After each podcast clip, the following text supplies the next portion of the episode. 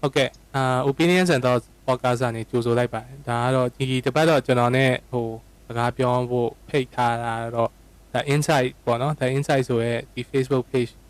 အာ Instagram page အဲဆုံးရှိပါတယ်အဲဒီဒီ insight ကအာညီလေးနှစ်ယောက်ပေါ့နော်ဟုတ်ကဲ့တစ်ချက်တော့မိတ်ဆက်ပေးပါအောင် ဟုတ်ဟုတ်ကဲ့မင်္ဂလာပါကျွန်တော်ကတော့ The Insights ကပါကျွန်တော် K လို့ခေါ်လို့ရပါဟုတ်ကဲ့အာမင်္ဂလာပါအဲ့တော့လေတဲ့ insight ကပါပဲဟုတ်ကဲ့ဟုတ်ကဲ့ Cyrus အာနဲ့ကိုကေနဲ့မင်္ဂလာပေါ့နော်မင်္ဂလာပါပေါ့ဟုတ်ကဲ့ကိုကတော့ဒီ opinions and thought podcast ကကိုဆိုရမင်းပါဟုတ်အဲ့တော့ဒီ the insight အကြောင်းလေးနည်းနည်းတော့မိတ်ဆက်ပေးပါအောင်ဘယ်အချိန်ကစပြီးတော့လုပ်ဖြစ်တာလဲပေါ့နော်ဒီ page ဒီအင်ဒီတို့လုပ်ဖြစ်တဲ့ အာဒီရွယ်ချက်လေးတွေပါလေးရှိနေတယ်နည်းနည်းတော့ sharing လုပ်ပေးပါအာဟုတ်ကဲ့ဗျဟုတ်အာကျွန်တော်တို့ The Insights ကအရင်ဆုံးอ่ะပေါ့နော်အဖွဲ့အနေနဲ့ကျွန်တော်တို့ဒီ data visualization ပြိုင်ပွဲတစ်ခုကိုကျွန်တော်ဝင်ပြိုင်ကြရပါတော့ကျွန်တော်အသင်သားတွေအာအဲ့ဒီ data visualization challenge ကကျွန်တော်ကျွန်တော် election တွေအကြောင်းပေါ့ရွေးကောက်ပွဲမြန်မာနိုင်ငံရွေးကောက်ပွဲအကြောင်းနဲ့ပတ်သက်ပြီးတော့ဝင်ပြိုင်တာ အဲကျွန်တော်အဲ့မှာပြိုင်ပြီးတော့နိုင်သွားတယ်ပေါ့နော်နိုင်သွားတော့ကျွန်တော်တို့ကဘာဆက်လုပ်လဲဆိုတော့ဒါအာဒီ data တွေပေါ့နော်ကျွန်တော်တို့ပဲအင်းနာမျိုးမဟုတ်ဘဲနဲ့ဒီဟို public တွေနဲ့ချပြမယ်ဘာဖြစ်လို့လဲဆိုတော့ဟိုမြန်မာနိုင်ငံ2020ရွေးကောက်ပွဲကလည်းနီးလာပြီပေါ့နော်အဲ့တော့ကျွန်တော် August လောက်ဆိုတော့ဟိုတိတ်မဝေးတော့ဘူးပေါ့အာအဲ့တော့ကျွန်တော်တို့ကအဲအဲ့ဒါနဲ့ပေါ့နော်အရင်ဆုံးကကြတော့ဒီရွေးကောက်ပွဲနဲ့လွတ်တော်အကြောင်းပေါ့နော်အာဒီမြန်မာနိုင်ငံလွတ်တော်ဘယ်လိုမျိုးဖွဲ့စည်းရလဲပေါ့အောက်လွတ်တော်ထက်လွတ်တော်အဲ့လိုမျိုးပေါ့နော်ကျွန်တော်ဒါကြီးကျွန်တော်ရှင်းပြတယ်အာရှင်းပြတာကိုကြတော့အဲ့တော့ဘယ်လိုစရှင်းခဲ့လဲဆိုတော့ကျွန်တော်တို့ကိုယ်တိုင်ကလည်းဒါ first time voter ဖြစ်တယ်ပေါ့နော်အဲ့တော့အာဒီလိုမျိုး first time voter လူငယ်ကိုဦးတည်ပြီးတော့အာဒီပြောပြပေးချင်တာ awareness ပေးချင်တာဆိုတော့ကျွန်တော်တို့ကအဲ့တော့ဆိုရင် Among Us ကလည်းရန်ခစ်စားနေတဲ့အချိန်ပေါ့အဲ့တော့အဲ့မှာ Among Us က character လေးသုံးပြီးတော့ပေါ့နော်ဒီအဲအထဲကိုလွတ်တော်ရဲရောက်25ရာခိုင်နှုန်း imposter ဆိုတဲ့သဘောမျိုးနဲ့အဲလိုမျိုးဟိုဒီဘယ်လိုပြောလဲ visual အဲဘောနော်ဒီလိုမျိုးအဲ comic ဘာပဲကျွန်တော်တို့အဲ့ဒါနဲ့စပြီးတော့အဲရှင်းပြရပေါ့နော်ဒီ graphics လေးသုံးပြီးတော့အဲအဲ့လိုမျိုးရှင်းပြရဲရှင်းပြပြီးတော့ကျွန်တော်တို့နောက်ပိုင်းကျတော့ဒီ election နဲ့ပတ်သက်ပြီးတော့အဲဆက်ပြီးတော့အရင်မြန်မာနိုင်ငံရဲ့အရင်တော့ election တွေကဟို data တွေကိုကျွန်တော်ပြန်ပြီးတော့ဟို share လုပ်ပြီးတယ်ပြီးတော့ကျွန်တော်တို့ဟိုရွေးကောက်ပွဲရောက်လာရပါတော့ရွေးကောက်ပွဲရောက်လာတဲ့အခါကျတော့အဲရွေးကောက်ပွဲနဲ့ပတ်သက်ပြီးတော့ဟိုဘယ်သူတွေဝင်ပြိုင်လဲဘာညာအာပြီးတော့နောက်တစ်ခါရွေးကောက်ပွဲပြီးသွားပြီးတော့သူတို့မဲရည်ရပြီးသွားပြီးအခါကျတော့ဘယ်သူနိုင်လဲပေါ့နော်ဘယ်လောက်နဲ့နိုင်လဲဘာညာအဲကျွန်တော်ဒါတွေကိုအာတင်ပေးတာပေါ့နော် အာအဓိကအလုပ်ဖြစ်တာကတော့ဟိုရွေးကောက်ပွဲနဲ့ပတ်သက်တာလုပ်ဖြစ်တယ်ဆိုရင်ကျွန်တော်ကဒီ data community တခုပေါ့နော် data နဲ့ပတ်သက်ပြီးတော့ဟိုရှင်းရှင်းဟိုမျှဝေတယ်ပြီးတော့ data ကိုကျွန်တော်တို့ပြောစရာကောင်းအောင်ဘယ်လိုလုပ်ကြမလဲပေါ့ making data fun ဆိုပြီးတော့ဟိုကျွန်တော်စပြခဲ့တာပါအော်အရန်ကောင်းတယ်ပေါ့နော်အကိုဆိုလည်းဘယ်လိုပြောရမလဲအဲ့လိုမျိုးကိုရှေ့မှာစာရွက်ကြီးချပြီးတော့အဲ့လိုမျိုးသိရမလား data တွေလာပြီးရင်ဘာမှမျက်စိနဲ့မြင်မှာမဟုတ်ဘူးပေါ့နော် ဒီလိုမျိုးအဲ့လို data visualization ညီလေးတို့လိုလုပ်ပေးတဲ့လူတွေရှိတော့မှအပြောပြောရမယ်ဆိုလို့ infographics ဆိုမျိုးဟာပေါ့နော်အဲ့လိုမျိုးကြာတော့မှမျက်စိနဲ့မြင်တာပေါ့နော်လူကလည်းဟို visual ဟိုဘယ်လိုပြော visual creature ပေါ့နော်ဆိုတော့စာစာတွေနဲ့အဲ့လိုလာပြရင်ကိုလည်းမြင်မှာမဟုတ်ဘူးပေါ့နော်လိုမျိုးလုပ်ပေးတဲ့အတွက်လည်းဟိုကျေးဇူးပါလို့အဲအဲ့တော့ဟိုပြိုင်ပွဲဝင်ပြိုင်နေဆိုတော့လေဘယ်ကလုပ်တဲ့ပြိုင်ပွဲလဲမသိဘူး အာဟုတ်ကဲ့သူကကျွန်တော်တို့ဟိုပါပေါ့ tech community တခုပါပေါ့နော်ဟိုသူကစပြီးတော့ season ပေးပြီးတော့ကျွန်တော်တို့အာဘယ်သူမှမဆိုဝင် join လို့ရပါတော့ဒီလူငယ်ပိုင်းနေဘယ်သူမှမဆိုဝင် join လို့ရဆိုရင်မှကျွန်တော်တို့ကအတင်းလေးဖွဲ့ပြီးတော့ဟိုဝင်ပြိုင်ပြတာပါဗျအော်ဟုတ်ကဲ့ပါအဲ့ဒါဒီ2020 August တော့ပေါ့နော်ဒီနေ့ပြောသွားတဲ့တင်ပါပေါ့အဲဟုတ်တယ်ဗျအဲ့ဝင်ချင်လာပေါ့ဟုတ်ကဲ့အဲ့တော့ election ထားပါတော့ election ဖြစ်တယ် election ပြီးသွားပြီပေါ့ပြီးသွားပြီးတဲ့အချိန်မှာ အာဟိုဘယ်လိုပြောရမလဲဒီ election fraud ရှိရဆိုပြီးတော့စပြီးတော့ဟိုဟာဖြစ်တော့ညီလေးတို့အဲ့ဒီအချိန်မှာစပြီးတော့ဒီ election fraud ကိုစပြီးတော့ tackle လုပ်နေပြီဒါဘယ်လိုဘယ်ချိန်ကြတော့မှဒီ election fraud ပေါ့နော်ဘာဖြစ်လို့လဲဆိုတော့အာပွင့်နေအကိုပွင့်နေဝင်ခံရရင်ဒီညီလေးတို့ဒီ the insight ဆိုရဲ platform page ကိုပေါ့နော်အကိုအာခုဖြစ်ပြီးတော့မှခုဖြစ်တော့မှအကိုစပြီးတော့တွေ့တာပေါ့နော်တတိထားမိတာပေါ့နော်တတိထားမိတာအဲတော့မှ ဘာဖြစ်လို့လဲဆိုတော့အဲ့ချိန်ကျတော့ဟိုဒီ election fraud ကြောင့်ဒီခုဖြစ်တယ်ဘာညာဆိုပြီးတော့ claim လုပ်တဲ့ဖက်ကလည်းရှိနေတော့အဲအဲ့အကြောင်းလေးနည်းနည်းပြောပြပေးပါလားအော်ဟုတ်ကဲ့ဟုတ် အာကျွန်တော်တို့ကအဲ့ဒီတော့ကတော့ဟိုစောစောရွေးကောက်ပွဲပြီးတဲ့အထိပေါ့နော်ကျွန်တော်ရွေးကောက်ပွဲပြီးတော့အဲ့ဒီကွာရွေးကောက်ပွဲမဲတွေရင်းနေတော့မှပဲကျွန်တော်က live dashboard တွေလုပ်တယ်ပြီးတော့ဘယ်သူတွေနိုင်လဲဘာညာ data တွေမှတ်တယ်ပေါ့နော်ပြီးတော့ဘယ်နေရာမှာတော့မဲဘယ်လောက်နဲ့နိုင်လဲဘာညာအဲ့လိုမှတ်ထားရှိတယ်အဲ့တော့အာဒါပေမဲ့ကျွန်တော်တို့ကအဲ့ဒီနောက်ပိုင်းပေါ့နော်ရွေးကောက်ပွဲပြီးတဲ့အခါမှာအဲ့မဲရလက်တွေကြီးညာတော့ကလည်းကျွန်တော်တို့ဘာပဲလုပ်ခဲ့လဲဆိုတော့အဓိကအဲ့2020ရွေးကောက်ပွဲမှာဟိုတွေ့ခဲ့ရလက်တွေကိုလည်းကျွန်တော်တို့ကပြန်ပြောပြနေတော့မှရှိသေးတယ်ပေါ့နော်အဲအဲ့ဒီတုန်းကကျွန်တော်မှတ်မိသလောက်ဆို December အကုန်ပေါ့နော် December အကုန်လောက်မှာစပြီးတော့သူတို့ဘက်ကအဲ TIT ပေါ့နော်တက်မတော် information အာတက်မတော်သတင်းမှန်ပြန်ကြားရေးဆိုတာရှိတယ်ဟုတ်အဲတက်မတော် information team တဲ့အဲဟိုသူတို့ကအဲ့မှာဟိုလောကောင်းဆုံး TIT လို့ပဲကျွန်တော်ကခေါ်ကြတယ်အရှင်းရှင်းဆိုအဲအဲ့မှာကျတော့ဘယ်လိုလာလဲဆိုတော့ဟိုဟာအာဒီလိုပေါ့နော်ဒါဒါ မြို့နယ်တစ်ခုချင်းစီလိုက်မှာအဲ့လိုရွေးကောက်ပွဲမှာမဲမတမာမှုဖြစ်နိုင်ခြေတွေဆိုပြီးတော့သူတို့အဲ့လိုနံပါတ်တွေစထုတ်တယ်အဲ့တော့ကျွန်တော်တို့လည်းသတိမထားမိဘူး။အများကြီးလည်းဒီတိုင်းပဲသတိမထားမိဘူးပေါ့။သူတို့ကဘာတွေရှောက်လို့နေရလဲပေါ့နော်။အဲ့လိုရှိနေတာပေါ့။အဲ့ပြီးတော့အဲ့ဟိုဟာ January တွင်းမှာပဲဟိုဟာဗာလဲဒီတက်မတော်အာနာမသိန်းဆိုတော့ဖြစ်နိုင်ဘူးဘာညာသူတို့ပြောကြတယ်ဟုတ်လား။အဲ့တော့ကျွန်တော်သိရင်သိရင်ဖိုက်သိရင်ပေါ့။ခုံးလည်းတူအဲ့လိုပဲဟိုဟာဟိုတိုင်းပျော်နေရတော့နော်။တော်တော်လေး expert မဖြစ်တာအောင်။ဒါပေမဲ့အဲ့ဟိုဟာကျမှ February 10ရက်နေ့ကျမှအဲဝုံတိုင်းဆိုလဲကောက်ဖြစ်ကောအဲ့မှာဟိုဟာစပြီးတော့ပေါ့နော်ဟာအဲ့တော့အဲ့ဒါကြီးစရဲကြီးခဲ့ရမှာပြီးတော့နောက်နောက်ရရပေါ့နော်အဲ့မဲ့လေကိုကြီးခဲ့လဲတိတ်တော့လဲထူးမှာတော့မဟုတ်ပါဘူးအဲ့တော့အဲ့ခါမှာစပြီးတော့ကျွန်တော်တို့ကဒီကိုမှလည်း election data နဲ့ data ရှိရဲအဲသူတို့ကလည်းဒါ fraud ဖြစ်တယ်လို့ပြောတယ်ဆိုတော့အဲ့မှာကျွန်တော်တို့ကဟိုဘယ်လိုမျိုးပေါ့နော်ဒါကိုပြန်ပြီးတော့ rebuttal လုပ်လို့ရမလဲဆိုပြီးတော့ကျွန်တော်တို့ကရှာတာပေါ့ data တွေ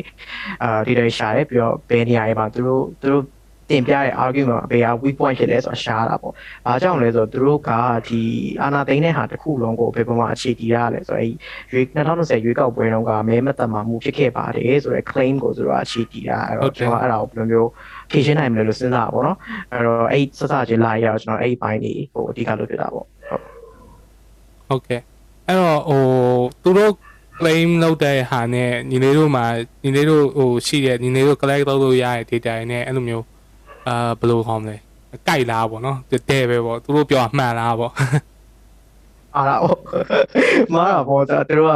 အဲအဓိကတော့နားလေပါရိုက်လုပ်တယ်ပဲပြောရမှာဒါမှမဟုတ်အဲအဲ့လိုပြောရအောင်နော်တော့ဘယ်လိုမျိုးလဲဆိုတော့ကျွန်တော်တို့ကဒီကျွန်တော်တို့ကကျွန်တော်တို့လည်း data ရအကုန်လုံးလည်းမမြူထားပါတော့ကျွန်တော်မဲဆန္ဒရှင်စည်ရင်းဆိုတဲ့ data တွေတော့ကျွန်တော်တို့ဘယ်သူမှအဲ့အပြင်ပါသူတွေကွာ request လုပ်လို့မရဘူးပေါ့နော်ဆိုတော့ရွေးကောက်ပွဲစောင့်ကြည့်တဲ့သူတွေတို့ပြီးတော့ဒီဟိုလွတ်တော်အမတ်တွေလွတ်တော်အမတ်တွေတောင်မှသူတို့ရဲ့မဲဆန္ဒနဲ့လိုက်ပဲရပြီးတော့အဲ့ပါတီဘိုဟိုထားပါတီဘိုဟိုချုပ်တွေပေါ့နော်အဲ့တော့ဟို ဒါပေမဲ့တက်မတော်ကကျတော့တက်မတော်အနေနဲ့လည်းတကယ်တမ်းကဒါကိုအဲ့လိုမဲဆန္ဒရှင်စင်ယူတောင်းဖို့ဆိုပြီးတော့သူတို့ကအာအခွင့်အာဏာမရှိဘူးဒါပေမဲ့သူတို့ကကျွန်တော်တင်တဲ့လောက်ဆိုရင်အဲ့အာသူတို့ ਨੇ ဆက်ဆက်ထားတဲ့ပါတီတွေကနေပြီးတော့ရတဲ့ data ကိုသူတို့ကယူရဲယူပြီးတော့သူတို့ရဲ့ဟို PDF ကနေ Excel ပြောင်းတဲ့ဟာကြီးကိုသူတို့လုပ်ကြတယ်အဲ့တော့ဟိုသူများရဲ့တိုင်းရှိနေတာဒါပေမဲ့အဲ့ဒါလည်းတော်တော် impressive ဖြစ်ပါတယ်တလားအတွင်းတလားတအဲ့လားပြောဟဲ့ပါဦးအဲ့ PDF ကနေ Excel ပြောင်းတဲ့ဟာ ဘာဘာဖြစ်လို့အဲ့ is it news worthy ပေါ့နော်အကွာကြစဉ်းစားအဲ့ news worthy လည်းမဖြစ်ပဲဘာလို့သတင်းစာရှင်းနေပွဲမှာအဲ့ဒါပြောနေတာဟိုဒါကိုလုံးရမယ်လို့ပဲပေါ့နော်လို့ပေါ့ဘာဖြစ်လို့ complain တွေတက်နေရလဲသူတို့အရင်ပြင်မယ်ပါလို့တင်ပါဟုတ်မဟုတ်အဲ့ဒါကတော့ဟိုကျွန်တော်အချက်ဝင်ပြောတာကျွန်တော်ကိုနိုင်လည်းအဲ့လိုဒီ data ကိုအဲ့ပြင်ပြန်ပြောင်းရတာပေါ့နော်အဲ့တော့ PDF ကနေ Excel ပြောင်းရတာဟိုခက်တော့ခက်တယ်ခဏခက်တယ်ဆိုတော့ဟိုဘယ်လိုပြောအောင်လဲအာ English နဲ့ရေးထားရင်တော့ပြဿနာတော့မရှိဘူးမြန်မာ character နဲ့ဆိုရင်ကသူက ဘလို့မှဒီဟာ character ဟို encoding ဟိုကတင်မလားအခုကမရှိသေးဘူးဗျာများသောအားဖြင့်ဒီ PDF ကနေ Excel ပြောင်းနေဆိုရင် software တွေခုနောက်ပိုင်းပေါ်လာတယ်ပေါ့နော်အဲ့ဟာတွေမှာလည်းကျွန်တော်တို့ကမြန်မာဟာဆိုတော့ထည့်လို့မရဘူးအဲ့လိုမျိုးပေါ့နော်တဲ့ အဲ့တော့ဟိုတော်တော် tiring ဖြစ်တယ်တစ်ခုချင်းသူပြန်ပြီး data entry လုပ်ရတာကျွန်တော်တို့ဆိုလည်းအဲ့အီဆောက်နေအောင်လုပ်ရတာအဲ့ဒီဟို video call ပွဲ election တော့အဲ့ဆိုတော့သူပြောပြောမမှားဘူးပေါ့နော်ပြောချင်တာအာမမအောင်ဆိုမှသူတို့တော့ credit မပေးချင်ဘူးကျွန်တော်ကတော့ဒီတိုင်းပဲခုနအကိုပြောသူပေါ့သူတို့ကသူတို့ဟိုအမားရှာချင်တာဟိုသိရမလားသူတို့ကသူလှုပ်ချင်လို့လှုပ်တာပဲဗျာဘာပင်မနေပါလားပြောလှုပ်ပေါ်တယ်မလားသူတို့လှုပ်တယ်ပေါ့ အဲ့လိုပေါ့သူတို့အဲသူတို့ရော PDF ကို Excel ကိုပြောင်းကြရပေါ့နော်အာပြောင်းပြီးတော့ဟိုအဲ့ data တွေကိုသူတို့ကထိုထွက်လာထွက်လာတော့သူဟိုစောင်းနေစင်းဆောင်နေတော့တိုက်ကြည့်လာထူးစီတုံးကပါလာတော့မသိဘူးဒါပေမဲ့အဲ့ကနန်းတွေကိုသူတို့ရှောက်ပြောကြရပေါ့နော်အဲ့ရှောက်ပြောကြတဲ့အခါမှာကျွန်တော်အဲ့ကနန်းတွေကိုကြည့်ရပြီးတော့ဟိုအဲ့ကနန်းတွေရဲ့ပေါ့နော်ဘယ်လိုမျိုး10တန်းလို့ပြောတာဟို10တန်းလို့ပြောရဲဆိုအဲ့10တန်းတကယ်ရော10တန်းလားပေါ့နော်ဘယ်လိုမှ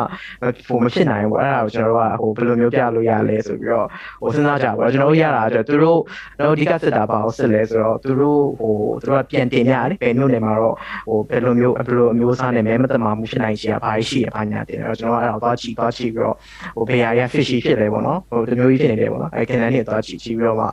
မဟုတ်ဘူးပြောတာပေါ့နော်အဲအဲ့လိုမျိုးပေါ့ process ကဟုတ်ကဲ့အဲအဲ့တော့သူတို့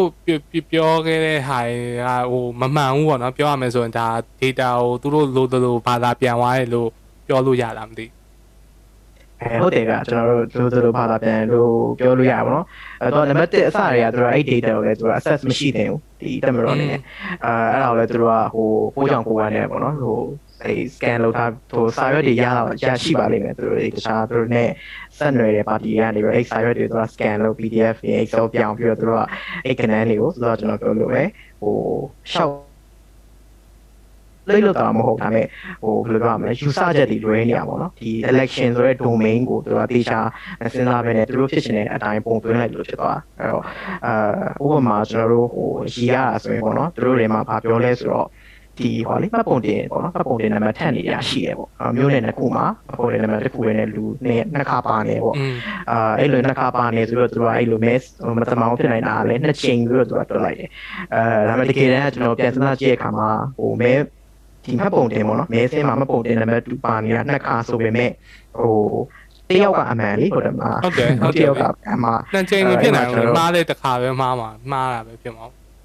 ဒါ that's the point ပေါ့နော်အဲကျွန်တော်လည်းဒါတကယ်တော့ဟိုအိမ်မှာ post function Facebook မှာတွေ့ရ post function တယောက်ကိုကျွန်တော် credit ပေးပါဆိုတော့အဲ့လိုစပြီးတော့ကျွန်တော်အဲ့တော့ဟိုတကယ် canal တွေသွားကြည့်ပြီးတော့တကယ်လည်းအဲ့လိုဖြစ်နေအောင်နှစ်ခါဆိုရင်အဲ့ total ကိုနှစ်နဲ့ဆိုင်ပြတ်တယ်သုံးခါလို့သူတို့ထက်တဲ့ဟာဆိုသုံးနဲ့ဆိုင်ပြတ်တယ်လေးခါဆိုလေးနဲ့ဆိုင်ပြတ်တယ်အဲကိုးခါဆိုလည်းကိုးနဲ့ဆိုင်ပြတ်တယ်အဲ့ရအရင်ဟိုပေါ့နော် totally ဟို doesn't make sense ပေါ့အဲ့ဒါကိုကျွန်တော်အဓိကအဲအဲ့ခါကိုရှေ့ခံပြီးတော့ ပြန်တော့ခုကကျွန်တော်မှတ်ပုံတင်မရှိရင်မဲလာပေးလို့မရဘူးဆိုတော့ကျွန်တော်လုပ်တာအမေရိကန်အဲ့လိုမဟုတ် UEC ကပြောတာမှတ်ပုံတင်မရှိလဲမဲပေးလို့ရပါဘူးအထောက်အထားပြနိုင်အဲ့တော့အဲအဲ့မှာစုစုပေါင်းဘယ်နှတန်းလဲဆိုတော့ဟိုကျွန်တော်မှတ်မိတလောက်ဆို6တန်းတင်တယ်အာအဲ့လောက်ကအာဒေးပဲမရှိဘူးနော်အဲ့6တန်းကိုသူတို့10တန်းနဲ့ကနေပြီးအဲ့6တန်းကိုပြန်နှုတ်မှတာဟိုမဲမတမာမှုဖြစ်နိုင်ရှည်ဆွဲတာပဲရှိတယ်တကယ်မဲမတမာမှုဖြစ်ခဲ့တာဖြစ်တယ်လို့တော့မဟုတ်ဘူးဟုတ် อืมဟုတ်တယ်ကျွန်တော်ဖြစ်တယ်လို့လည်းမပြောဘဲနဲ့ဖြစ်တော့လည်းသူတတိပြပြမရှိဘူးဟိုကျွန်တော်ရှားရွေးကောက်ပွဲဆောင်ကြည့်အဖွဲ့ရတဲ့တောက်ဟိုမှန်ကန်နေဟိုတရားမျှတလွတ်တယ်ပေါ့နော်လို့ပြောအဲသူတို့ကပဲအဲ့မှာအဲ့ဒီအားနဲ့ပတ်လေရိုက်နေကြပါတော့နော်ဟုတ်ကဲ့အဲကျေးဇူးပါအဲ့တော့ဒီဒီအခုဟို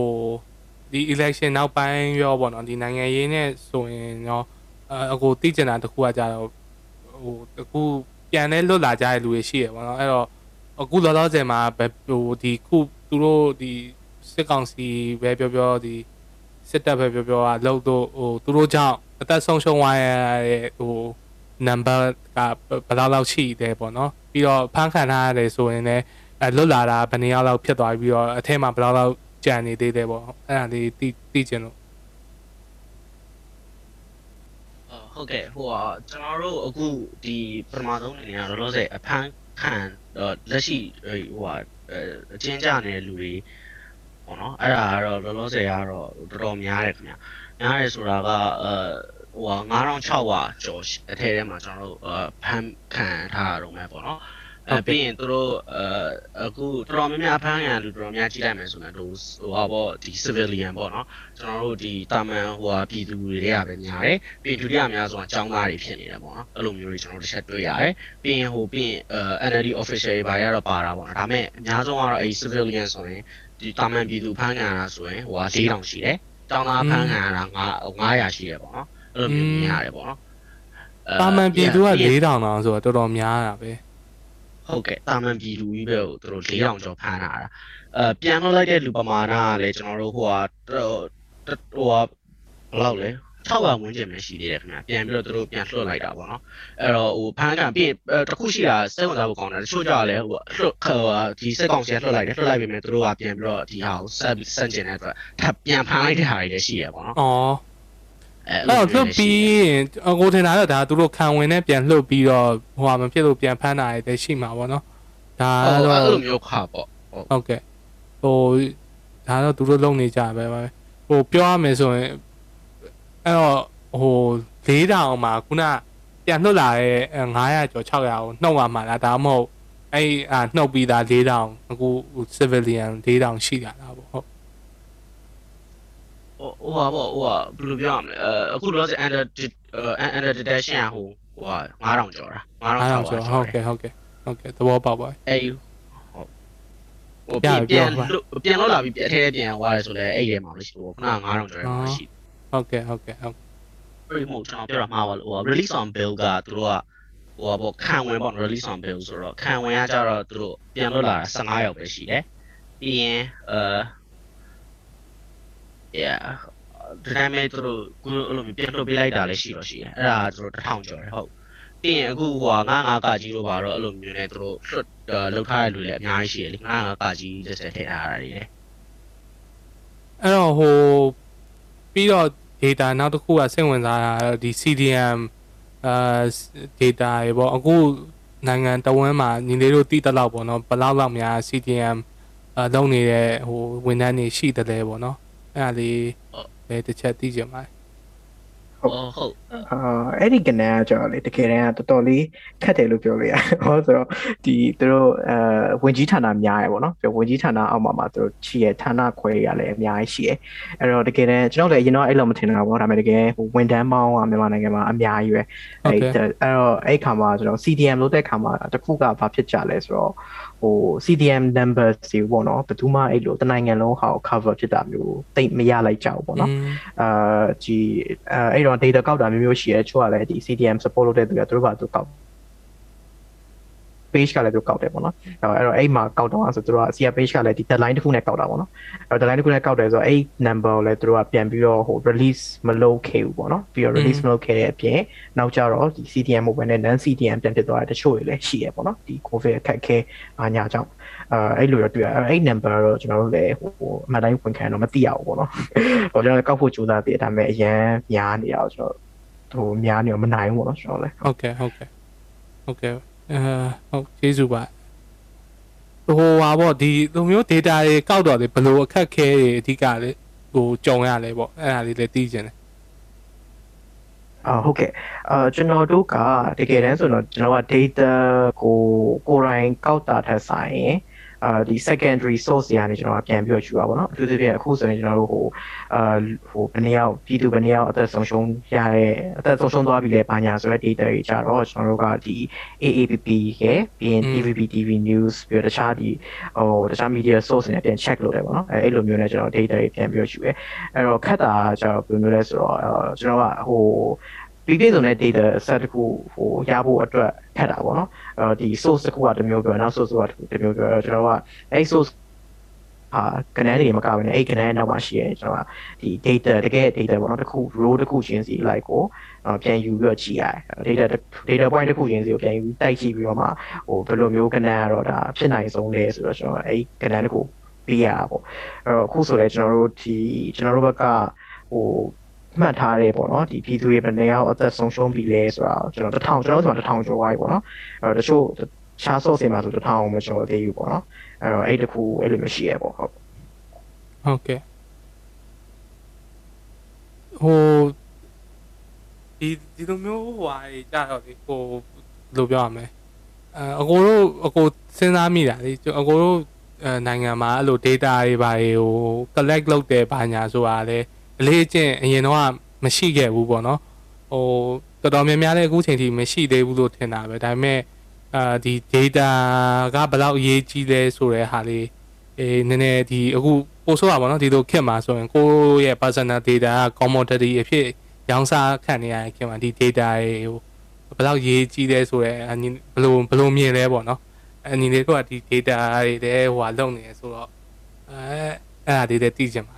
တယ် အာဟုတ်ကဲ့ဟုတ်အာဒါကတော့တော်တော်များများဒါပြောကြမှာဒီ data level ကဆို data တွေဘယ်လောက်အရေးကြီးရဲပြီးတော့ဒီအဓိကတော့ဟောပေါ့ငါတို့သွားချင်တာဆိုဒီ policy maker တွေပေါ့ policy maker တွေအနေနဲ့ဒီ data တွေကိုကြည့်တယ် အာအာ data တွေကြည့်ပြီးတော့မှဘယ်လိုမျိုး policy တွေလုပ်မလဲဘယ်လိုမျိုး project တွေ account တွေပုံမလဲဘယ်လိုစဉ်းစားပြတယ်ပေါ့နော်အဲဒါကျွန်တော်အဓိကသွားအဲ့တော့ဟိုနောက်က data မပါပဲ data မပါတဲ့ခါမှာဘယ်သူတွေကဘာဘယ်လိုမျိုးဖြစ်နေလဲဆိုတော့ကျွန်တော်မသိရဘူးပေါ့နော်မသိရဘူးနဲ့ဟိုအရင်တော့လုပ်ခဲ့သူတို့ထင်တာပဲသူတို့လုပ်ကြတာပါအဲ့တော့ဒီနေရာမှာလမ်းပြင်ဖို့မလို့လဲလမ်းပြင်လိုက်တယ်ဒီနေရာမှာလမ်းကိုထပ်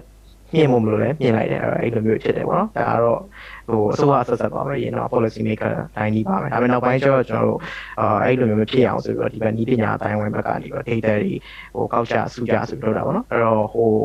ဟိုလွန်ခဲ့တဲ့9နှစ်အတွင်းမှာတော့ဟိုကောင်းတဲ့ကောင်းတဲ့တစ်ချက်ကပါလဲဆိုတော့ကျွန်တော်တို့တကောင်စင်းပေါ့နော်2014တုန်းကထင်တယ်အဲ့တော့အဲ့လိုတကောင်စင်းကောက်တော့မြန်မာနိုင်ငံနဲ့ပတ်သက်တဲ့ data တွေရရှိရဲအဲတခြားနိုင်ငံတွေတော့ကျွန်တော်အရင် update မလိုက်နိုင်သေးဘူးပေါ့နော်တခြားနိုင်ငံတွေဆိုရင်ဟိုနယ်ပယ်မျိုးမျိုးမှာ ဟိုအချိန်နဲ့တပြေးညီထွက်တဲ့ data ရှိပါဆိုအဲ့ data တွေလိုက်ပြီးတော့ကောက်နေတဲ့ဟိုတနိုင်ငံလုံးကိုကောက်တဲ့တကောင်စင်းအဖွဲ့မဟုတ်ရင်တော့ research institution တွေရှိရပေါ့နော်သူတို့က data ဟို research methodology တုံးတဲ့ data ကောက်တာဆိုတော့အဲ့လိုထွက်တယ်အဲ့ပုံမူတည်ပြီးတော့ yeah အမေဒီမှာကျတော့အဲ့လောက်ထိလည်း update တော့မဖြစ်နိုင်သေးဘူးအဲကြိုးရကြိုးစားနေခဲ့တယ်ပေါ့နော်ဒီဟိုမတိုင်ကိုအာနာသိမှုမတိုင်ခင်အဲ့တော့အာအဲ့တော့ကျွန်တော်ဟိုအဓိကတော့ decision လုပ်မယ်ဆိုရင် data ကိုအခြေခံပြီးတော့လုပ်ပေါ့ ဒါကျွန်တော်အဓိကပြောချင်တဲ့ message ပေါ့ဟု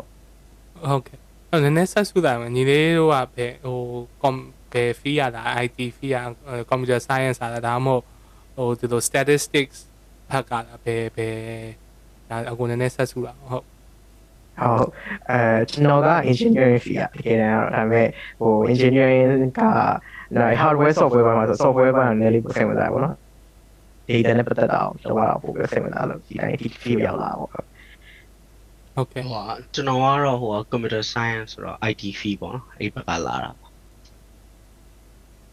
ဟုတ်ကဲ့ computer science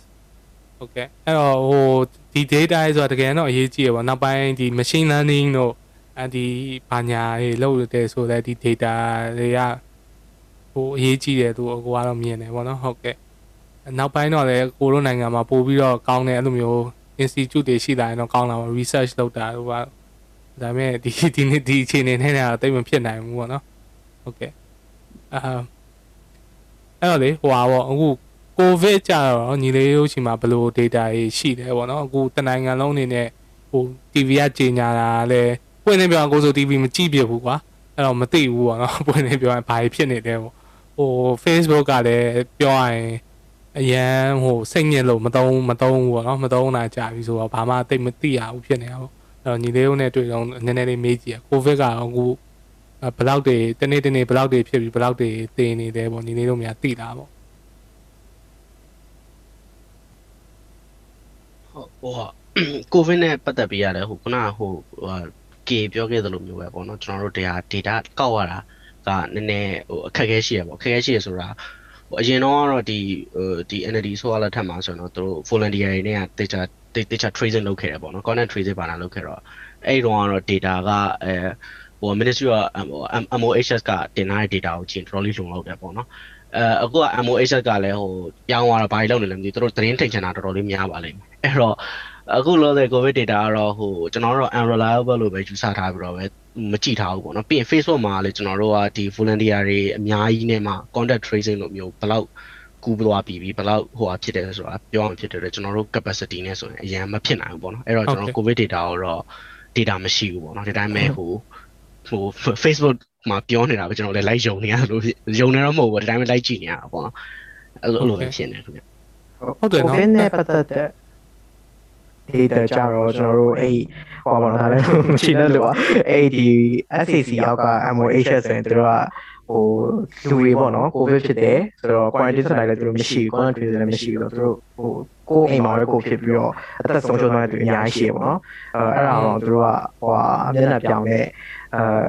သူတို့ကတို့အိမ်မှာတည်ရဘာရောကနေတည်လဲဆိုတာ identify မလုပ်နိုင်တဲ့ဒီ data ကိုထည့်မကောက်နိုင်ပါဘူး။ဘာပြောရပေါ့နော်အဲ့တော့တို့ MOHS ကတင်လာတဲ့ဟာတွေဘယ်နှယောက်ကူလဲတို့အာဘယ်နှယောက်တည်လဲဆိုတာဒါတကယ် actual number နဲ့အများကြီးအများကြီးနေတယ်ကျွန်တော်ပြောလို့ရဘယ်လောက်လဲဆိုတော့ခဏတခုကျွန်တော်ပြောနိုင်ဘူးဒါပေမဲ့အများကြီးနေတယ်သိချာဒါကျွန်တော်တို့မှမဟုတ်ပါဘူးဒီနေ့လည်းဟိုဒီလိုပဲသိရပြီးသားပေါ့နော်အဲ့တော့ကျွန်တော်တွေ့ရနောက်ပိုင်းကျတော့ဒီ NUG ဘက်ကနေပြီးတော့ပေါ့နော်ဒီ COVID ကြောင့်ဟို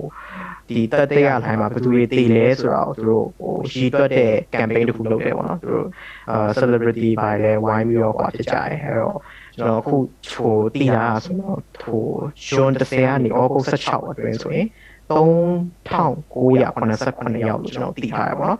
အာဒါပေမဲ့အဲ့ထက်လည်းကျွန်တော်တို့အများကြီးများနိုင်တယ်သူတို့ကကြောက်ဘယ်လိုလဲဆိုတော့ကိုတယောက်မိသားစုတယောက်ဖြစ်ဖြစ်ဟိုအသက်ဆုံးရှုံးသွားတယ်ကိုတည့်ရဲ့သူအသက်ဆုံးရှုံးသွားတယ်ဆိုရင်သူတို့စီမှာ toy register လုပ်ရတာပေါ့အဲ့တော့ဒါနိုင်ငံလုံးလည်းဒါ reach မဖြစ်သေးဘူးဆိုတော့သူတို့ number လည်းဒါမမှန်သေးဘူးဒါပေမဲ့ဟို good afford ပေါ့နော်ဒါပေမဲ့လည်းဟိုအဲ့ number က ဟိုဘယ်သူမှဟိုခံမလို့မရတဲ့ဒါဖြစ်ဟုတ်ဟုတ်တယ်ဟိုဟိုတော်တော်ဆိုးတယ်လို့ပြောရမယ်ဒီ data တွေဘာမှမရှိတော့လေလေအဲလူဘယ်လိုပြောရမလဲဟိုအမ်အပြင်ထွက်ဖို့လည်းကြောက်နေရတာတွေလည်းရှိတာပေါ့နော်ဘယ်လိုပြောရမလဲအစင်မပြေဘူးပေါ့နော်ဟိုဘာဖြစ်နေလဲတေချာမသိရကိုယ့်အကိုပဲတယောက်တည်းကြောက်ဘူးအိမ်ထဲမှာပဲပုံနေရမှာလားအပြင်ထွက်လို့ရပြီဒါဘာသိရမလားအလုပ်တွေပဲဆက်လို့ဘာမှမသိဘူးပေါ့နော် အဲ့လိုဖြစ်နေတာဟုတ်ကိုဗစ်နဲ့ဟုတ်တယ်။ဒါတော့ဒုတိယ line တော့ပါလို့ဆိုရင်ဘယ်ချိန်စလဲဘယ်ချိန်မှာ peak ဖြစ်လဲဘယ်ချိန်မှာဆုံးလဲပါ냐ကျွန်တော်ကြည့်လို့ရအခုတတိယ line ကကျွန်တော်ပြောတော့ဘောနော်ဟိုဘယ်သူတွေအခုတော့ဒီတိုင်း Facebook ကဟာကိုပဲအကြမ်းပြင်းကြည့်မယ်ဆိုတော့ဒါ peak ကတော့ကျော်သွားပြီဘောနော်နည်းနည်းပြန်ငြိမ်သွားလို့ပြောလို့ရဒါပေမဲ့ဟိုရှိနေတုံးပဲပြီးတော့ခုနိုင်ရှိရလဲဟိုများနေတုံးပဲဘောနော်အဲ့တော့ အာမထွက်တာတော့ကောင်းတယ်ပေါ့ကိုကတော့ပြောတာတော့မထွက်တာတော့ကောင်းတယ်ဒါပေမဲ့ဟိုအရင်ရောဟိုကျွန်တော်တို့ peak တောင်းလာတော့စိုးရင်ရတဲ့အခြေအနေမျိုးတော့မဟုတ်တော့ဘူးပေါ့နော်အဲ့လိုပဲကျွန်တော်ထည့်နေကြအောင်ဟုတ်ဟုတ်ဟိုအဲ့တော့လေဒီဒီ data တွေအကြောင်းဘာညာဟိုဟိုဟာဖြစ်ပြီပေါ့နော်အကိုသိချင်တာဒါ insight ကရောနောက်ရောဘာတွေဒီအဲဘယ်လိုမျိုးဟိုဟာဆက်လုပ်သွားအောင်လဲပေါ့ဒီဒီ data ဒီ visual visualization ပဲတခုပဲ UTV ပဲဆက်လုပ်သွားမှာလားတခြားရောဘာတွေဘာတွေလုပ်ဖို့ရှိသေးတယ်ပေါ့အာဟုတ်ကျွန်တော်တို့အခုကတော့ဟိုနောက်အခုလုပ်သလိုပဲပေါ့နော်ဆက်လုပ်ဖို့ဒီ dead toll စီပေါ့နော် dead toll ဆက်ထောင်ကျော်ဝိုင်းဆိုတော့ဟိုဒီထက်လည်းများနိုင်တဲ့အခြေအနေရှိရပေါ့နော်အဲ့ဒီ data ကျွန်တော်ဆက်ပြီးတော့ monitor လုပ်ပြီးတော့ဆက်ပြီးတော့တင်သွားပေးလို့ရှိတယ်အဓိကရည်ရွယ်တာကတော့ ဟိုဒီလူရောက်တစ်ထောင်သက်ဆုံးရှုံးလူရောက်တစ်ထောင်ကျော်သက်ဆုံးရှုံးလာတယ်အထောင်ဆိုတော့ဒါကျွန်တော်တို့တည့်ရဲ့ number ပဲရှိတယ်အဲအဲ့ထက်လည်းပို့ပြီးတော့တကယ်လည်းများကောင်းများနိုင်တဲ့အခြေအနေတွေရှိပါတော့လူရောက်ထောင်သက်ဆုံးရှုံးသွားပြီအဲဒီမိသားစုပေါင်းထောင်ကတွေ့တဲ့မိသားစုဝင်ဆုံးရှုံးသွားပြီဒါကိုကျွန်တော်ကဟို remind လုပ်ပြီးရှင်တယ်ပေါ့နော်စိတ်ဟိုဘယ်လိုပြောမလဲနည်းနည်းလေးတော့ဝန်ထဲပြကောင်းတဲ့အရာဆိုရင်ဒါကိုသူတွေနဲ့ in touch ဖြစ်တယ်ပေါ့နော်အဲ့တော့ကျွန်တော်ဒါကိုဆက်ပြီးတော့ that post ဆက်ဆက်မှတ်သွားဖို့ရှိတယ်အာပြီးတော့ကျွန်တော်တို့ ဟိုအဓိကကတော့ဘယ်လို data တွေကိုကျွန်တော်တို့ဟိုကြည့်လို့ရမလဲဆိုတော့ဆက်ပြီးတော့ကြည့်ရဲပေါ့နော်ပြီးတော့နောက်တစ်ခု visualize ကျွန်တော်တို့ကျွန်တော်တို့စီမှာဒီ graphic designer graphic designer တော်တော်လေးရန်တော်ရတဲ့တယောက်ရှိတော့ကျွန်တော်တို့ကဒီ visualization တွေလုပ်တဲ့ဟာအားတန်တယ်ပေါ့နော် data မှမဟုတ်တခြားအကြောင်းအရာတွေကျွန်တော် visualization လုပ်တယ်ဟိုဒီ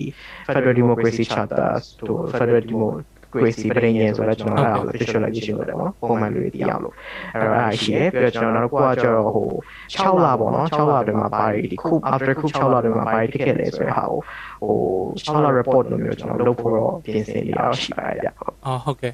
အောက်မှာလည်းအဲ့ဒါဟိုလည်းစောင့်ပြီးတော့မျောစောင့်နေပါမယ်အာ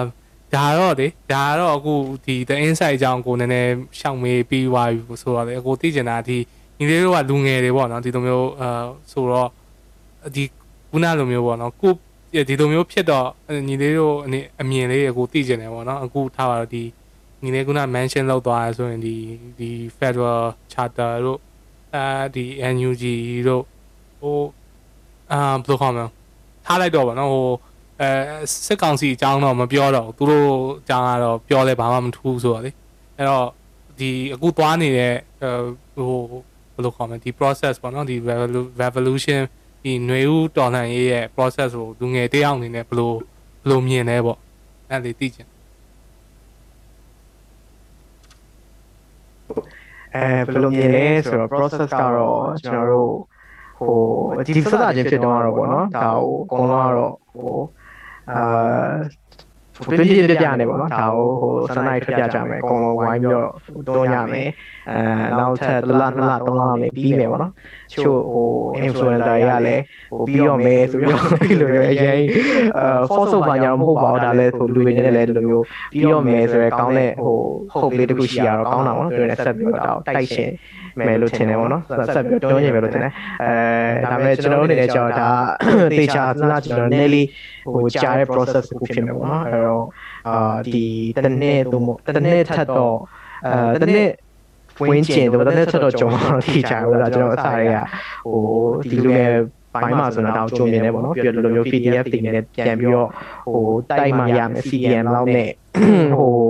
ကျွန်တော်တို့ဆန္ဒထွက်ပြအောင်လောက်နဲ့မရက်တော့ပေါ့နော် CDN နေဆန္ဒထွက်ပြရအပြင်ထပ်ပြီးတော့ဟို PDF တွေလိုမျိုးဟိုအင်အားပါတဲ့အင်အားသုံးရတဲ့ဟို alternative တွေလည်းလိုမယ်ပေါ့နော်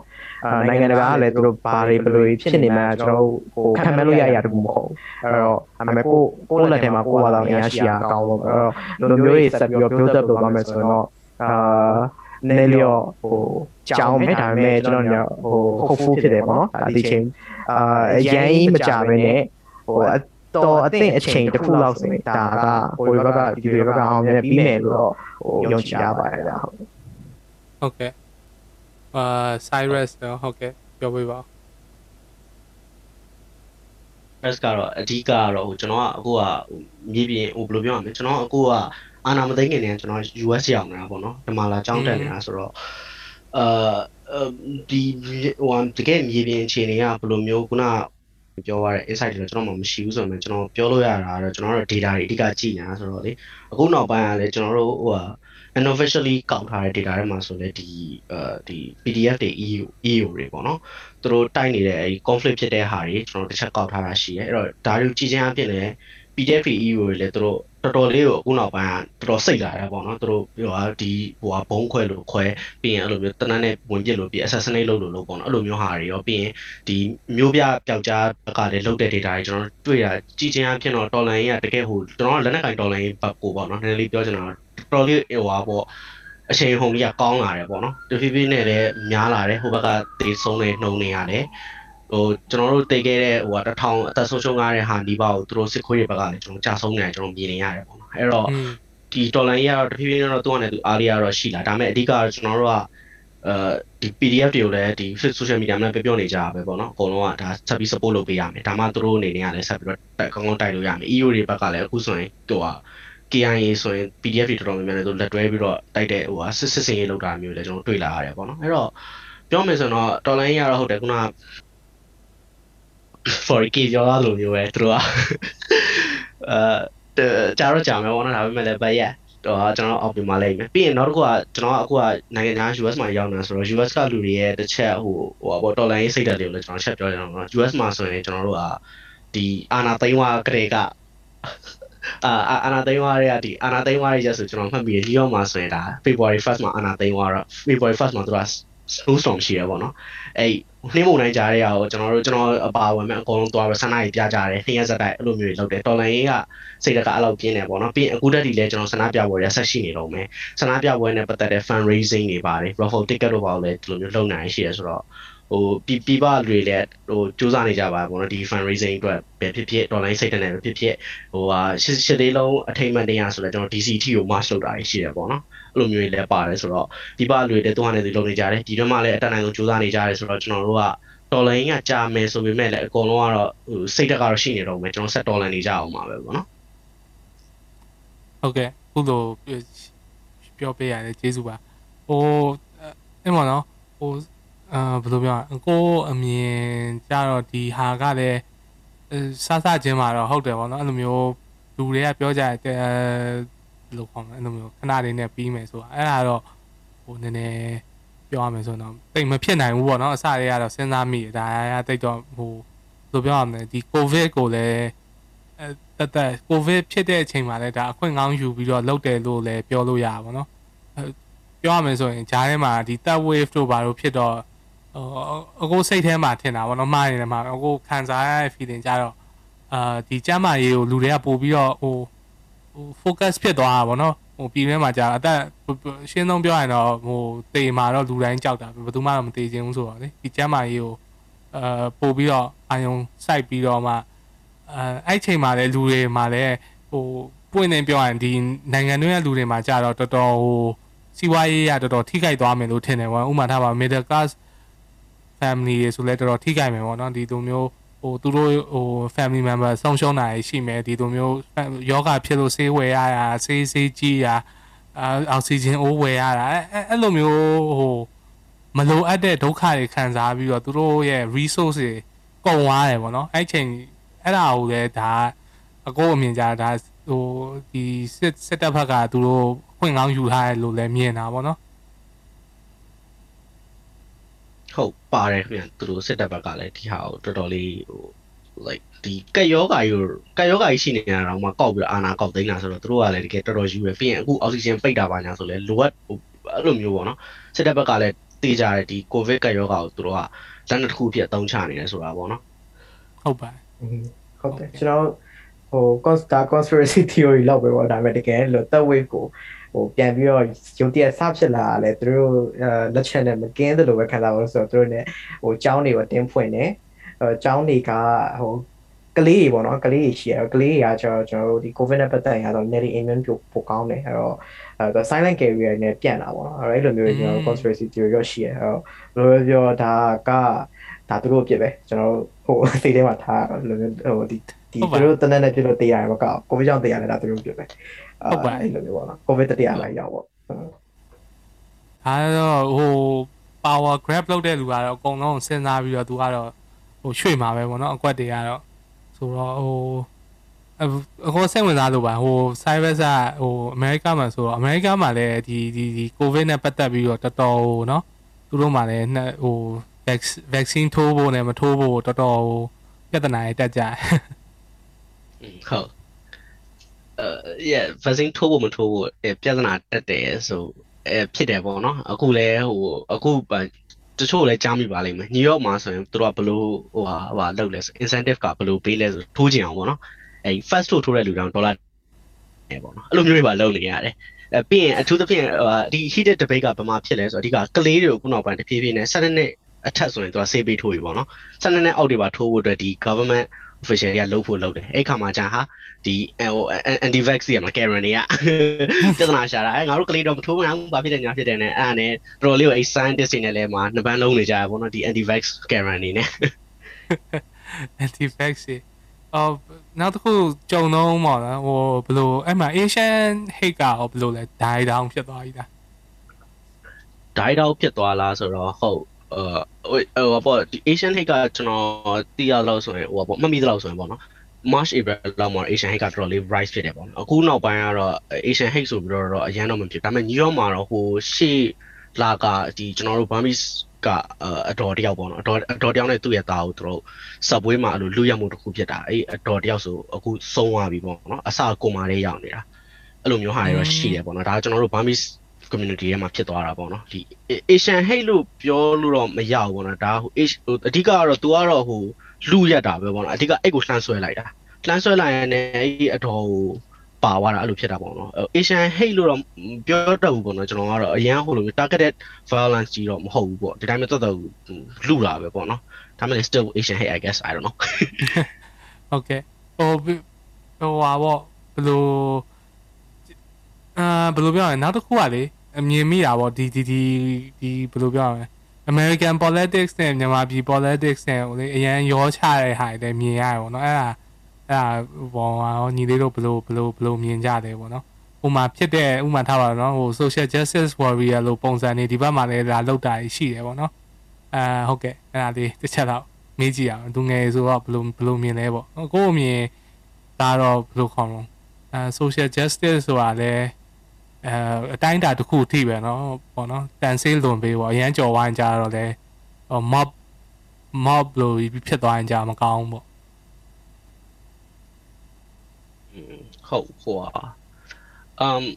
yeah ဟိုဟာပေါ့ဒီ election သူတို့စအာဏာသိမ်းတော့ကလည်းဒီ election election နဲ့ပြောရဲဆိုတာဒါတော်တော်လေးကို parallel ပုံစံမျိုးဖြစ်နေပေါ့နော်ဒီဟိုဟာ US မှာဆိုလေ US election ဆို Trump က ကောက်ပြီးတော့အာသူတို့ election fraud တွေရှိတယ်ဗာပဲညာဖြစ်တယ်ဆိုတော့မှ Twitter မှာရှောက်အားတယ်ပေါ့နော်အားတော့သူ့ရဲ့လူဒေါ်လာထွန်းနေလူကိုကြည့်ရမှာဝူးဆို capital hit တက်သွားတယ်ပေါ့နော်อืมအဲ့တော့ဒါမဲ့တစ်ခုရှိတာပါလဲဆိုတော့ခုန US ကတော့သူတို့ရဲ့ institution institution တွေကတော်တော်လေးကောင်းတယ်ပေါ့နော်ကောင်းတာဖြစ်တဲ့အတွက်ဒီဟာကိုလည်းသူတို့ကအချိန်မီတာစီနဲ့လိုက်နိုင်တယ်ပေါ့နော်ဒါတော့မှပြောရရင် capital hit ထိရောက်စရာအကြောင်းမရှိတာပါဒီ US မှာလည်းကျွန်တော်ဟို found to ရမယ်ဆိုတော့သူတို့ security ကဒီတက်ပူပြီးမြင်မြင်အောင်မြင်တယ် capital hill တီကိုရောက်ကြအကြောင်းမရှိဘူး အဲဘယ်လိုနဲ့ရောက်ကြအကြောင်းမရှိတာပေါ့နော်အဲ့တော့အဲဒါပေမဲ့ဟိုမြန်မာနိုင်ငံမှာကတော့ကျွန်တော်တို့အနေနဲ့ကတော့အဲ့လိုသူတို့လောက် institution ကနည်းနည်းလေး weak ဖြစ်နေတယ်ပေါ့နော်အဲ့အတွက်ကြောင့်ဒီပြီးရင်ဟို US မှာဆိုရင်ကဒါအဲ့လိုလုံးမယ်ဆိုရင်ကဒီစစ်တပ်တို့ဘာတို့ကတချင်းရောက်လာတာလေဒီမှာကျစစ်တပ်ကိုနိုင်က corrupt ဖြစ်နေတော့အမှသွားပြီးတိုင်ပတ်တာပေါ့နော်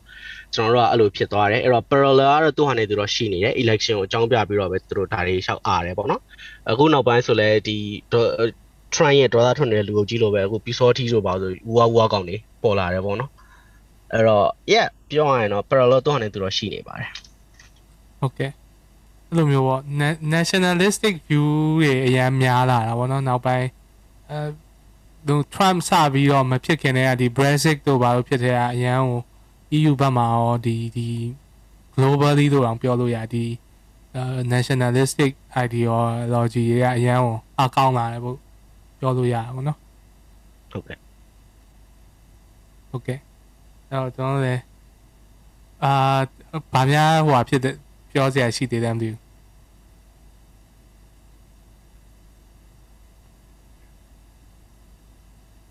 ဟုတ်ကဲ့ပြောပါနိုင်ဖွင့်နိုင်ပြောပါရအေးစေးဟို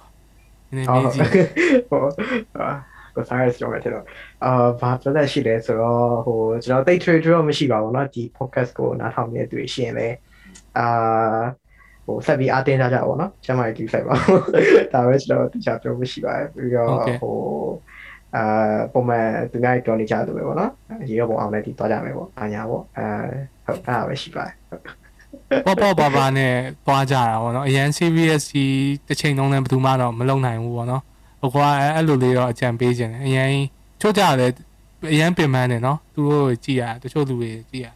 အဲဟို relax လုပ်တဲ့အချိန် relax လုပ်ပေါ့နော်အဲအဲ့လိုပြောလို့လည်းလူမုန်းနေဆိုရင်လည်းမတတ်နိုင်ဘူးပေါ့နော် I don't I don't care ပေါ့နော်ဟုတ်အဓိကတော့ဟောပေါ့ဒါကကျွန်တော်တို့ဘယ်လိုပြောမလဲဟိုကျွန်တော်ပုံမှန်လူနေမှုဘဝတွေဝင်လာတဲ့အရာတစ်ခုဖြစ်တော့လေအဲသူနဲ့ like ဟိုအထိုက်အလျောက်ပေါ့နော်အဲ ကိုယ့် mental being ကိုယ့် mental health တော့လည်းဒါအရေးကြီးရယ်ပြီးတော့အဲနောက်တစ်ခုကကျတော့ဒါကိုပေါ့နော်ပြီးတဲ့အထိကိုယ်တိုင် afford ထည့်ပေးဖို့လေဒီ dollar ပြီးအောင်ကိုယ်တိုင် afford ထည့်ဖို့လည်းအရေးကြီးတယ်ဒါမှမဟုတ်ဆိုရင်ဒါကြီးကပြီးတော့မှမဟုတ်ဘူးပေါ့နော်အဲအဲ့နှစ်ခုချောင်း balance လေးထားပြီးတော့လုပ်နိုင်တော့ဒါကောင်းတယ်လို့ထင်ပါတယ်ဟုတ်အဲ့လိုမျိုးဆိုတော့ဟုတ်ကဲ့ညီလေးပြောလိုက်တယ် mental health ကိုအကိုလည်းအဲ့ဒါမေ့နေအဲ့ဒီအကြောင်းအကိုကလည်းဟိုအခုဟိုဟာပေါ့လေအကောင်ဟို counselor လုပ်နေရပေါ့နော် volunteer counselor လုပ်နေရဆိုတော့ mental health ကအရင်အရေးကြီးပါတယ်ဒီလိုမျိုးဘယ်လို cope လုပ်ကြလဲပေါ့ညီလေးတို့ထားပါနည်းနည်းတော့မေးကြည့်ကြအဲ့လို stress တွေများလာရင်ဘယ်လိုကိုယ့်အကိုပြန်ပြီးတော့ self care တွေပါဘယ်လိုလုပ်လဲအဲ့ဒါလေးနည်းနည်းနောက်ဆုံးအနေနဲ့ share ပေးပါဦးညီလေးအာ K ရော Cyrus ရော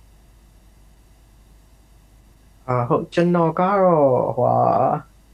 အာအဓိကတော့အဲ့ရုပ်ရှင်ကြည့်တာပါညာ သဘောကျတော့အဲ့လိုမျိုးကြည့်ဖြစ်တယ်ပေါ့နော်ကို enjoy ဖြစ်တဲ့အရာလေးလို့ပေါ့ဒါတစ်ချိန်ကြာနောက်ချိန်ကြာလဲဟိုအလုပ်လုပ်ပေါ့အလုပ်လုပ်ပြီးတော့လဲပတ်စံရှာပြီးတော့လဲဟို PDF တွေကိုကြည့်ပေါ့လဲလောက်ရသေးတယ်တော့အဲဒါလည်းကိုကကြာတော့လဲဒီအာဒီလိုမျိုးပေါ့နော်တခြားဟိုအာ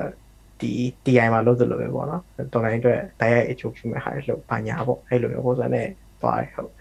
အာဒီကတော့ကို enjoy ဖြစ်တာကိုလို့အဲ့တော့လည်းအချိန်တစ်ခုသတ်မှတ်ထားတာပဲဖြစ်ဖြစ်ဒါမှမဟုတ် ဟိုစိတ်ပိုင်းပါတယ်လို့ပေါ့နော်ဟိုအများတိုင်းပဲဟိုအများတိုင်း distress ဖြစ်နေကြဟိုမလို့အားမွေးပြီးတော့ဆက်လျှောက်တာပေါ့နော်ဆက်လျှောက်ဖို့ပေါ့ဟုတ်ကဲ့ကျေးဇူးပါဟိုဟိုဟာကျွန်တော်ကတော့ပြောရမယ်ဆိုရင်ကတော့ဟိုဘယ်လိုပြောရမလဲ US မှာရောက်နေဆိုတော့ကျွန်တော်ရဲ့ stress ကတော့ဟိုမြန်မာပြည်တွင်းမှာရှိနေလို့တော့မရှိဘူးပေါ့နော်ပြောရမယ်ဆိုရင်တော့ ကျွန်တော်အဲကျွန်တော်လည်းဟို privilege ဖြစ်နေမှတော့ကျွန်တော်သိပါတယ်အဲအဲအကြောင်းလို့ဟို stress နဲ့ပတ်သက်ပြီးတော့ကျွန်တော်ကတော့ဘယ်လိုပြောရမလဲ cope လုပ်တဲ့ပုံကတော့ဟိုဟာမြန်မာပြည်တွင်းရှိတဲ့လူတွေနဲ့တော့တူမှာမဟုတ်ဘူးဒါပေမဲ့ဟိုကျွန်တော်ရဲ့ဟိုလိုအမ်ညီကိုပဲဖြစ်ဖြစ်ဟိုဟာပေါ့အညီပဲဖြစ်ဖြစ်ဟိုအဖေအမေကိုပြောတာတော့အဓိကကတော့ social media လေးကိုနည်းနည်း short ပေါ့နော်အဲ့လိုမျိုး social media လေးကို short ပြီးတော့အဲ့လို ဟိုဟာ bad news တွေတွေကိုမကြည့်နဲ့ပေါ့နော် like လုံးဝ ignore လုပ်တာမျိုးတော့မဟုတ်ဘူး bad news တွေ bad news တွေများလာပြီဆိုခဏလောက်ကြာလိုက် news feed scroll လေးကိုပြင်ကွာတာကိုဟို enjoy ဖြစ်တဲ့အဖေမေဆိုလဲတရားလေးပါလေးပြန်ထိုင်ပေါ့အညီဆိုရင်တော့အမတွတ်တာသူရုပ်ရှင်သွားကြည့်ပေါ့ကွာဒါမှမဟုတ်လဲ game လာစောပေါ့ငါနဲ့အဲ့လိုမျိုးပဲပြောလိုက်တယ်ပေါ့နော်အဲ yeah stress ကိုကျွန်တော် cope လုပ်တဲ့ဟာတော့အများသောအားဖြင့်ကတော့ဟို game ဆော့ပြစ်တာပဲများပါတယ်လို့မျိုး game မှာသွားပြီးတော့မှတွေးများဟိုကောင်းတာမှဆိုလဲဘန်ဘန်ဘန်ကိုပြစ်ထည့်လိုက်ပေါ့နော်ဒိုတာဒီဆိုမှာလဲမခုတ်ပြည့်ရသမျှ ထဲမှာအဲဖြစ်ပြင်တာမာမပြည့်ရမှာကျွန်တော်ကျွန်တော်ကတော့အေးပေါ့ပြင်မာမပြည့်ရမှာဟိုကောင်းတာမှာတော့တော့ပြီးပြစ်ထည့်လိုက်တယ်ရှုပ်တယ်ရှုပ်လို့ဟုတ်ပြီပေါ့ဟုတ်ကဲ့ဟို mental health ကလည်းလေအရေးကြီးရယ်ပေါ့နော်အကိုတို့ဒီမြန်မာပြည်မှာဆိုပို့ဆိုးတာပေါ့ဟိုအဲ awareness တွေတိတ်မရှိကြဘူးပေါ့နော်အစိုးရကအကောင်းပဲပြောရမလားမသိဘူးဒီဒီခုပြော covid ရောဖြစ်တော့လူတွေကတော့အဲ့ဘက်ကိုတော့ဟို aware ဖြစ်လာပြီပေါ့ awareness တွေတော်တော်ရှိလာပြီလို့မြင်ရတယ်ပေါ့နော်အာဟုတ် ဟုတ်ကဲ့ပါအဲ့ဒါလေးဟိုဒီဒီ mental health အနေနဲ့ပတ်သက်ပြီးတော့လေ the insight အနေနဲ့အဲ့လိုမျိုးပေါ့နော် I mean contribute တခုခုလုပ်နိုင်ရင်တော့ကောင်းတာပေါ့အဲ့လိုမျိုး data တခုခု something ပေါ့နော်မသိဘူးကိုလည်းစိတ်ထဲရှိရပြောကြည့်ရဟုတ်ကဲ့ကျွန်တော်ချက်ကြည့်လိုက်ပါမယ်အဲ့ဒီ channel လည်းကျွန်တော်တော့ကြပါပါတယ်ဟုတ် yeah yeah cuz အခုဟာလူတော်တော်များများ they are going through hard times กว่าဒီလား and some people don't know အာဘယ်လိုပြောရမလဲဘယ်လိုအဲ့ဒီ capacity တချို့တချို့လူတွေမှာမရှိဘူးပေါ့နော်ဟိုတော်တော်တော်တော်ဟိုစိတ်မကောင်းဘူးပေါ့နော်လို့ပဲပြောရမှာဟုတ်ကဲ့ကျေးဇူးပါအခုလိုမျိုးကိုဒီ opinions and thoughts မှာအချိန်ပေးပြီးတော့လာပြီးတော့ hockey ပွားပေးကြရင်ညီလေး K ရော Cyrus ရော the insight ဟောသူ now ကိုတို့ mutual friend အဲ့ထဲကတယောက်ဟိုညီမလေးကိုလည်းကျေးဇူးတင်ပါတယ်လို့ပြောချင်ပါတယ်ဟုတ်ကဲ့ဟုတ်ကဲ့ဟုတ်ကျွန်တော်တို့ခုလိုဖိတ်ပြီးတော့ကျွန်တော်တို့ဟို friend တစ်ယောက်နောက်ထောင်ကြရတယ်ကျေးဇူးပါမဟုတ်ပါဘူးအကိုကကျေးဇူးတင်ရမှာအကိုပါပေါ့အာဒီဒီ episode ကတော့အကိုတင်တယ်နှစ်နောက်တစ်ရက်နှစ်ရက်လောက်နေရင်တော့အကိုတင်ပြမယ်ပေါ့နော်အဲ့တော့ဒီလိုဟို the insight အနေနဲ့ရောကိုယ်ပိုင် podcast တွေပါလို့ဖို့ အာအစီအစဉ်တွေပါရှိတာပေါ့အဲရှိလားဆိုတော့အရင်တော့ကတော့ကျွန်တော်ရှောက်အာဘူးလားရှိရပါတော့တယောက်နဲ့တယောက်လုံးဟိုလိုလေးလုံးရင်ကောင်းလေးလုံးရင်ကောင်းတယ်မှာတော့ podcast ဆိုတဲ့ idea လေးတော့ pop up ဖြစ်လာပါတော့ဒါပေမဲ့ကျွန်တော်တို့ကိုယ်သူတော့မလုပ်ဖြစ်ဘူးပေါ့နော်ဟောဟုတ်ကဲ့ဟုတ်ကဲ့ပါအောင်ပါလေအာဆက်ပြီးတော့လောက်ကြပါအကိုလည်းအားပေးပါတယ်